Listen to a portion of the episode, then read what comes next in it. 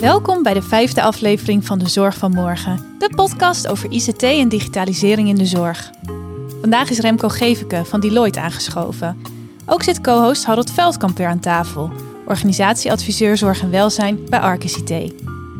We gaan het vandaag hebben over fiscale compliancy, alle regels rondom belastingen waaraan jouw zorgorganisatie moet voldoen. De Belastingdienst gaat vaker en strenger controleren, dus wat zijn de mogelijke gevolgen? Kun je niet vertrouwen op je boekhouder en softwarepakket als het hier om gaat? Waar moet je beginnen om dit onder controle te krijgen? Genoeg te bespreken. Let's go! Welkom bij de Zorg van Morgen, de podcast over ICT en digitalisering in de zorg. Remco, welkom bij de Zorg van Morgen. Heel erg leuk dat je bent aangeschoven. Wil je om te beginnen even vertellen wie je bent en wat je doet? Ja, dankjewel Maya. Ik ben uh, Remco Geveke. Ik ben bij Deloitte, uh, groot advieskantoor en accountantskantoor, ben ik verantwoordelijk voor de uh, fiscale, juridische en subsidiedienstverlening aan onze zorgklanten. En dat doe ik inmiddels alweer dik 15 jaar. En zo heb ik Harold ook leren kennen en Arcus leren kennen. En zo kom ik bij jullie aan tafel. Ja, Leuk. En we gaan het vandaag hebben over fiscale compliancy. Uh, dat klinkt nogal als nogal wat. Wil je om te beginnen even vertellen waar dat überhaupt over gaat? Ja, dat klinkt als een heel saai onderwerp, ben ik me bewust. Maar eigenlijk als ik het heel simpel vertaal, is het fiscale compliancy is gewoon het voldoen aan al je verplichtingen die je hebt vanuit fiscale regelgeving. Dus de juiste aangifte doen en de juiste belastingen betalen die in al die wetten staan, die bedacht zijn in de loop van de afgelopen honderden jaren zelfs al. Ja. Uh, dus uh, ja, het goede doen uh, vanuit de regelgeving voor de, richting de Belastingdienst eigenlijk. Ja, en hoe complex is dat binnen de zorg? Best wel complex, omdat de zorg helaas te maken heeft, of helaas en gelukkig, maar de zorg heeft te maken met uh, bijvoorbeeld voor de BTW, met uh, dat er heel veel van haar dienstverlening is vrijgesteld voor de BTW. Dat is door Europa zo bepaald. BTW is een van de weinige uh, belastingen en, en, wetten die vanuit Brussel wordt geregeld en bedacht.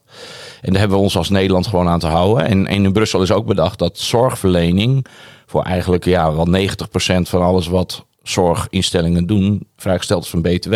Dat lijkt heel mooi. Ja.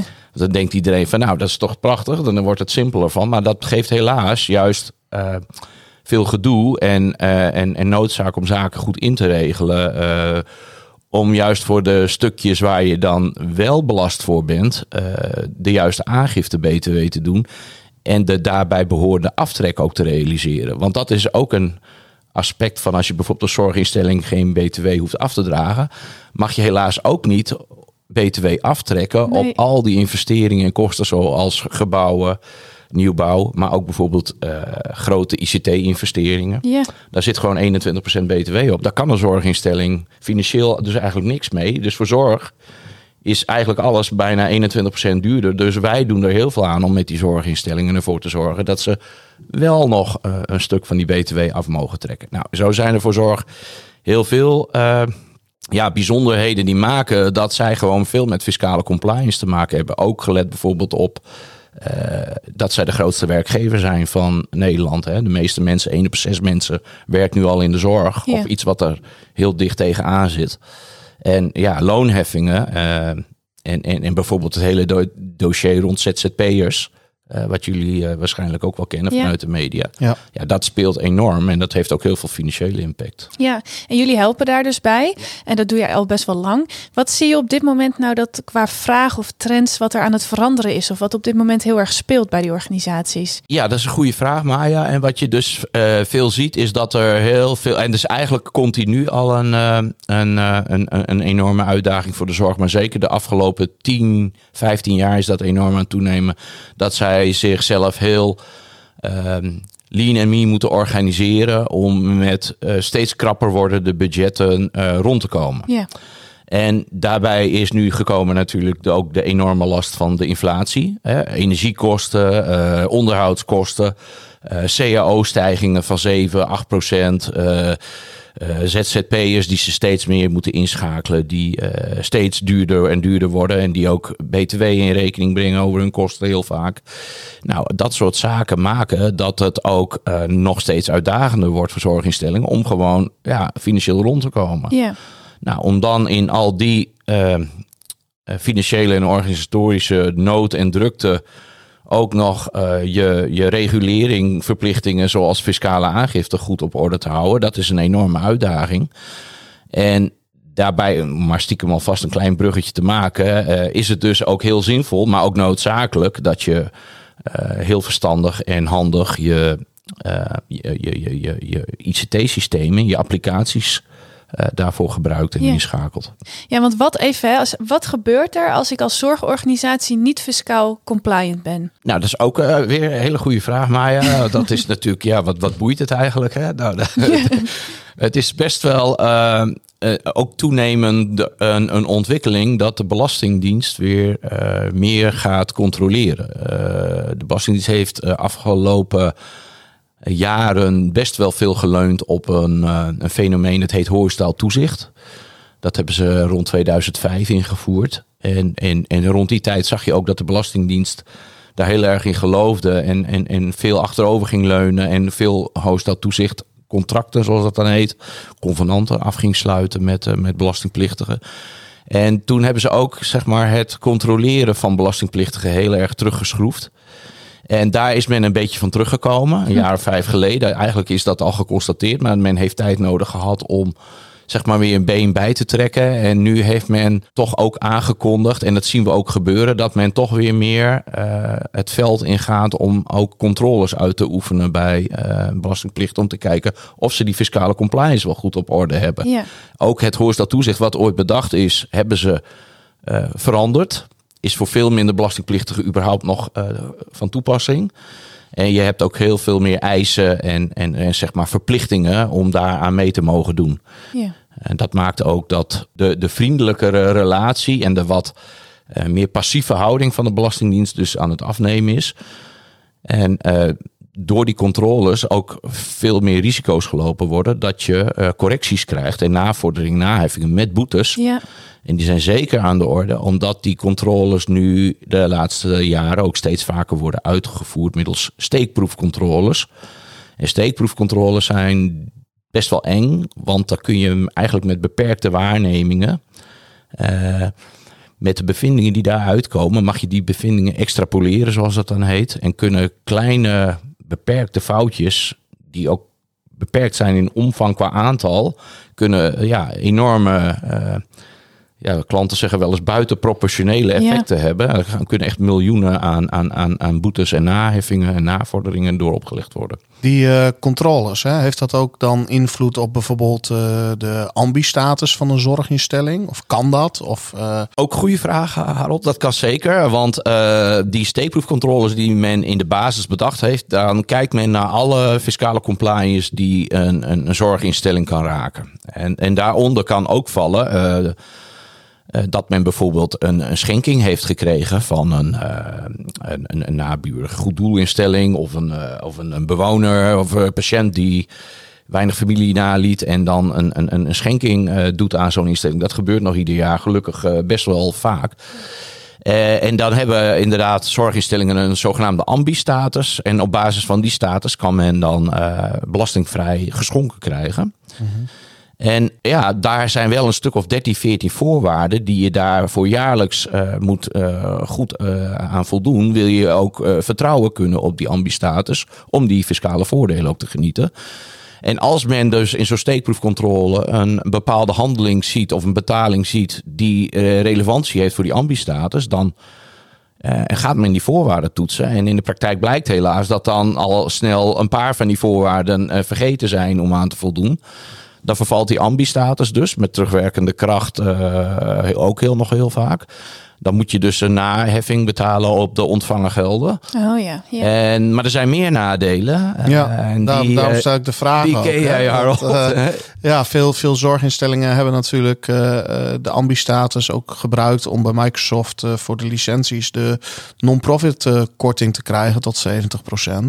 en, en een van die voorwaarden is onder andere de ambi-status. Dus als die zou vervallen of daar is wat mee, dan heeft dat ook aan de licentie kant financieel grote consequenties zou dat kunnen hebben. Enorm. En, en dat is helemaal waar. En dat is misschien zelfs in veel gevallen nog een groter nadeel dan, dan het fiscale nadeel van het moeten betalen van schenkbelasting. Alhoewel dat ook hoge tarieven zijn hoor. Dat is Ligt eraan 40%. hoeveel je krijgt. En hoeveel je Ja. krijgt, klopt hoor. Daar zit ook wel alweer progressie in. Maar, als we hem even helemaal nog even plat slaan. De fiscale compliance binnen de zorg zijn dus alle regels waar je aan moet voldoen als het gaat om belastingen. Dat is al dat is best complex in de zorg en het is al heel lang zo. Maar nu komt het moment dat de Belastingdienst weer actiever gaat controleren daarop. Ja. Dat doen ze steekproefs, steekproefsgewijs. Dus het kan zo zijn dat als je één klein foutje hebt gemaakt, dat je dan geconfronteerd wordt met boetes, naheffingen en dat je je ambistatus kunt verliezen, waardoor je extra eh, belasting daarover moet betalen en dus ook eh, gekort kan worden op licentiekortingen. Om het even helemaal samen te vatten. Dat is wel een heel negatief verhaal, maar eh, ja, dat klopt wel. Ja. Nou ja, we moeten natuurlijk wel. Kijk, in de zorg zijn ze gewoon druk met van alles. Dus het gaat er ook wel om dat, dat de zorg en de organisatie zich er bewust van zijn wat het belang hiervan is, lijkt me. Zeker. Kijk, als we een heel positief verhaal brengen, dan ja, dan Ja. denkt iedereen, nou, dat het zal wel. Want hoe weet ik nou, als het, eh, hè, of hoe weet een luisteraar nou of ze hier iets mee moeten? Hoe weet je nou of je goed zit? Nou ja, dit, dit is ook een beetje het dossier. Iedere Nederlander wordt geacht de wet te kennen. Hè. Dit is gewoon iets waar we allemaal helaas mee te maken hebben. Ja. Ons hele landje draait gewoon op eh, belastinginkomsten. Zeker nu de aardgaskraan eh, bijna dichtgedraaid raakt. Ja. Ja. dit is gewoon waar we allemaal onze scholen, wegen en noem alles maar op van betalen.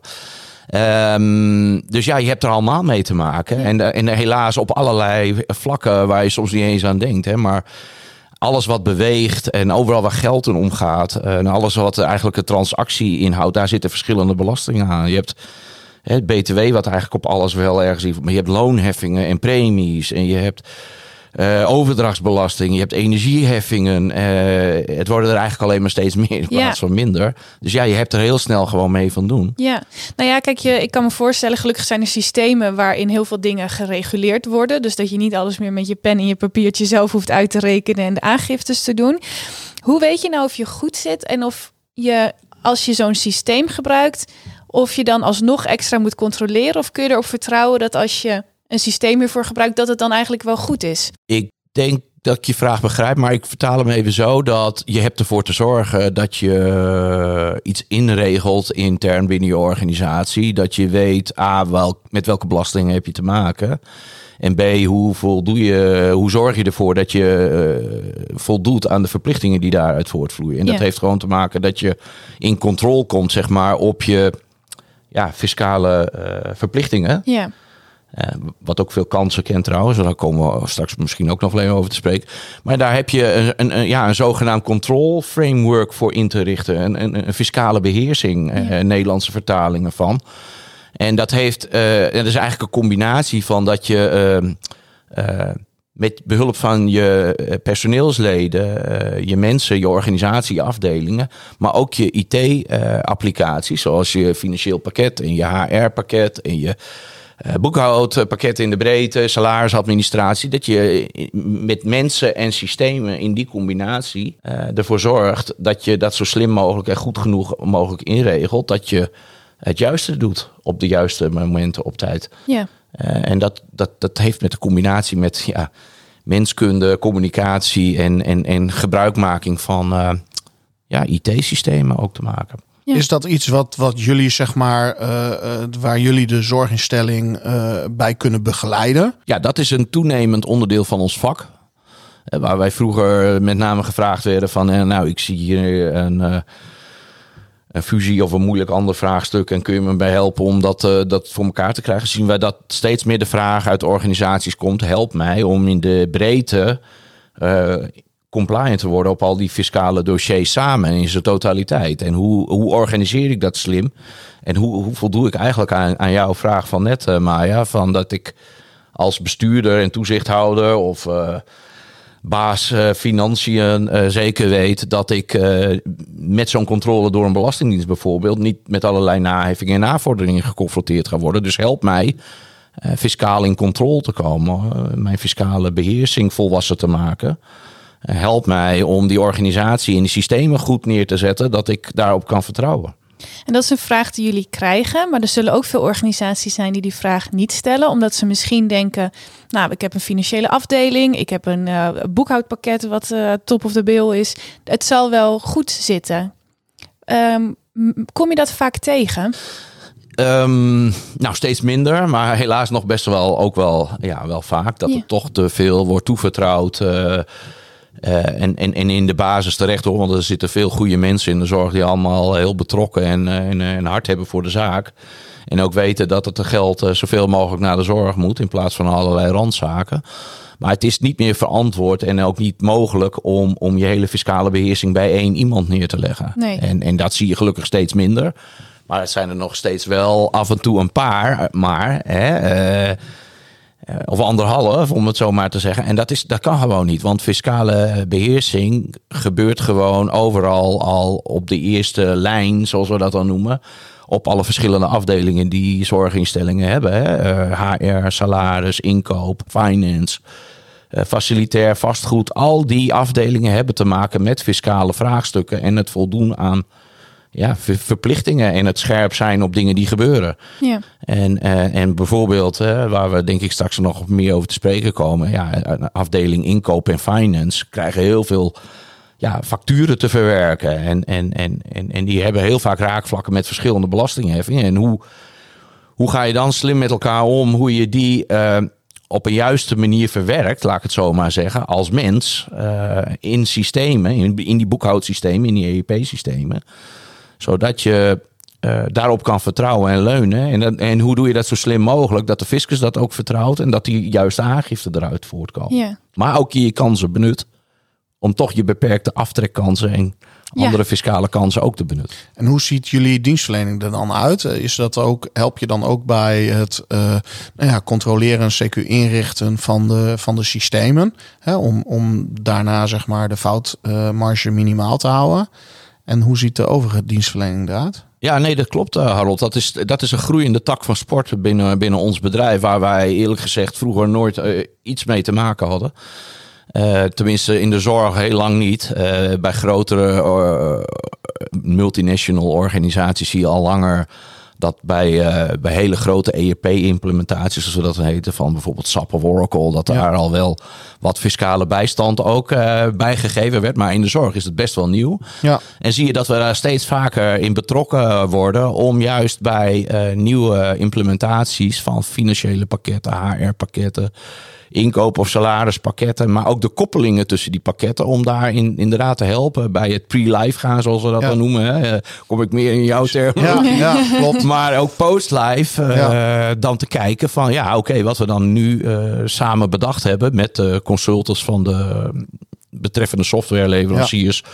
En, de, en natuurlijk de zorginstellingen zelf. doe- doet het ook wat het had, eh, wat we bedacht hadden. Ja. En wat beloofd is door softwarepakketleverancierbedrijf. Precies.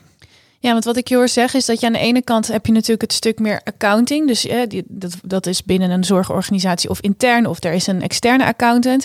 Dat heeft natuurlijk iets mee te maken. Maar ook je IT en je systemen.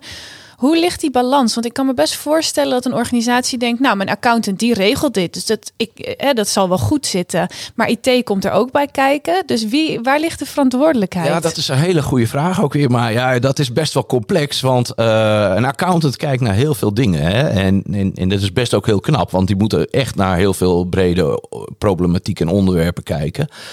Maar die kijken ook in de basis altijd eh, naar eh, continuïteit en materiële fouten en gevaren daarvoor. Die hebben ook steeds meer aandacht gekregen voor het fenomeen IT-volwassenheid. en die doen ook veel meer IT-scans en daar schakelen ze ook specialisten voor in. Dus dat is zeker eh, ook de laatste jaren steeds vaker eh, toegenomen en aan de orde. Eh, bij de goede accountants uiteraard. Eh, fiscaliteit en IT en überhaupt fiscaliteit en accountantscontroles, ja, dat is, dat is toch ook nog iets wat nog een beetje in de kinderschoenen staat. En dat is dus nog niet iets. eh, dus waar de accountants heel veel naar kijken, hele kleine beperkte stukjes wel, maar in de zorg eigenlijk niet. Eh, of nauwelijks. Eh, op de echt diepgaande manier die nodig is, wil je dus die juiste aangifte eh, altijd kunnen indienen. En ook IT-leveranciers, de softwareorganisaties, en dat kun je ze ook niet kwalijk nemen, die hebben hier natuurlijk ook geen echt kaas van gegeten. Nee. Of, of de mensen voor in huis, die hebben geen fiscalisten in dienst of fiscale experts in huis om, om, om, om die slag te maken naar de zeg maar, aangiftekant toe. eh, hoe die echt eh, in de puntjes eruit moet zien. Wil je dus die eh, correcties door de Belastingdienst kunnen Ja. voorkomen. Dus eh, betekent dat concreet dat er dingen tussen wal en schip vallen... waar misschien de organi- zorgorganisatie zelf dat niet ziet Helaas, of weet? helaas wel, ja. En dat, is, en dat is iets waar we klanten steeds meer eh, en, en fanatieker op attenderen. Van wees hier scherp op. Want de, Belastingdienst vraagt hier ook steeds vaker naar trouwens. Wil je bijvoorbeeld in het nieuwe doorontwikkeld HOS dat toezicht kunnen komen? Of wil een tax control framework eh, goedgekeurd worden? Eh, of wil je nog teruggave eh, gerealiseerd zien die je indient bij de Belastingdienst? Dus die is daar heel scherp en actief op eh, aan het bevragen. Maar we zien dus ook dat wil, je, wil jij kunnen vertrouwen dat jouw aangifte, BTW bijvoorbeeld en loonheffingen goed eh, gebeuren, ja, dan heb je ervoor te zorgen dat dat klopt. Eh, als je in de basis van je boekhoudsystemen en je grootboekadministratie, zoals we dat dan noemen, en de koppeling met jouw fiscale administratie dat niet goed hebt staan, dan gaan alleen daardoor je aangifte al niet goed de deur Nee. uit. Dus loop je risico's op die correcties, maar loop je ook het gevaar dat je dus de eh, kosten die je wel af kan trekken, bijvoorbeeld voor de BTW, of eh, posten die je toe kan wijzen aan vrijstellingen voor de loonheffingen, dat dat niet gebeurt. Nee, En dat zonde. kost al snel heel veel geld. Dus de urgentie is eigenlijk ook, eh, eh, nou, wordt ontwikkeld door de ontwikkelingen bij de Belastingdienst. Zeker. Maar ook door de ontwikkelingen die eh, je ziet steeds sneller en vaker toch ook wisselingen van financieel pakket en Ja. HR-pakket. Daar is natuurlijk een enorme ontwikkeling in gaande. Dat- Ja. Meer weer jouw eh ja, Harold. dat weten we. Ja. Maar we zien steeds vaker en sneller die eh, vernieuwingen of eh, verbeteringen van ERP-applicaties plaatsvinden. Ja. En, en nogmaals, die hebben ook met, koppelingen met elkaar nodig voor bepaalde belastingheffingen. Dus als je één aanpast of verandert, dan heeft dat ook impact, bij wijze van spreken, op hoe je dan weer dat met- laat communiceren met die andere pakketten, om het zo maar even plat te zeggen. En, en, en dan zie je inderdaad eh, dat ook daardoor, eh, en die toename van aandacht door de Belastingdienst, maar ook het toenemende besef bij ons als fiscalisten, ja. dat je, dat je dat daarin juist goed hebt te regelen. Want dat is eigenlijk een stuk bron waarin het al gelijk fout kan gaan. Ja. En dat is niet ook, misschien om het nog alvast even als, als, als voorzet te geven, misschien naar de vraag van jou. Maar wat, het ook, wat ook een, een, een beetje een illusie is die wij wel langs horen komen vanuit de verkopers van eh ERP-applicaties. En daardoor ook als een soort aanname worden eh, eh, betracht door onze klanten, is dat door het inbouwen van een nieuw ERP-pakket het bijna volautomatisch goed gaat. Ja. Want er zijn, er zijn leveranciers die zeggen: ja, ik heb een hele goede BTW-boekhoud. eh, administratie ingeregeld in mijn pakket. En als jij mijn pakket koopt en je implementeert dat, dan kun je met een druk op de knop daar je BTW-aangifte uithalen. Ja. Ja, helaas is niks minder waar. Eh, je zult ook je mensen op die afdeling inkoop en finance heel goed eh, moeten bevragen en moeten meenemen en instrueren. Hoe zij dat ook eh, prettig vinden om in te, in, te, in te regelen en in te boeken in die systemen. Of je ook met eh, scanstraten werkt bijvoorbeeld. eh, wat voor type facturen je krijgt. Hè? En zo zijn er heel veel aspecten die het ook noodzakelijk maken dat je juist die mensen van je organisatie erin betrekt. Bij die inrichting, maar ook in het werken met die systemen. Want eh, de proceskant aan de voorkant, om die systemen hun dingen goed te laten doen fiscaal, is ontzettend belangrijk. Ja. Nog eigenlijk bijna belangrijker dan het systeem zelf. Maar ook aan de achterkant eh, is het helaas nog steeds nodig dat je de data die uit die systemen komt, toch nog her en der een tweakje geeft, wil je tot goede aangifte kunnen komen. Er is helaas nog steeds niet één pakket eigenlijk, eh, wat praktisch het mogelijk maakt dat je echt volautomatisch met één druk op een knop de dingen juist eruit krijgt. Eigenlijk is het ook voor de zorginstelling een eh, wake-up call. Dus om, om goed eh, eigenlijk de investering in goede IT, goede software en goede eh, bewustwording bij medewerkers te investeren. Omdat dat nou ja, aan de achterkant bij de aangiftes en bij de controles dus gewoon geld kan besparen. Ja, en, en, en risico's ook kan voorkomen. Nee, dat is helemaal correct. En dat is, en dat is, en dat is inderdaad nodig. Je ziet alleen helaas in de praktijk, en dat is ook heel begrijpelijk, dat dit aspect niet altijd de aandacht krijgt die het zou moeten hebben. Omdat het gewoon hele heftige trajecten zijn voor onze klanten. Hè? Ja. Eh, Net zoals ze niet complete fiscale afdelingen hebben, omdat ze al zoveel uh, moeite hebben om rond te komen. En, uh, de nou dingen ja, en ook wat je net zegt, ik kan me heel goed voorstellen dat je denkt: oké, ik heb dat ERP-pakket gekocht. Die zeggen dat het goed is. Ik heb daarnaast mijn accountant, die is ermee bezig.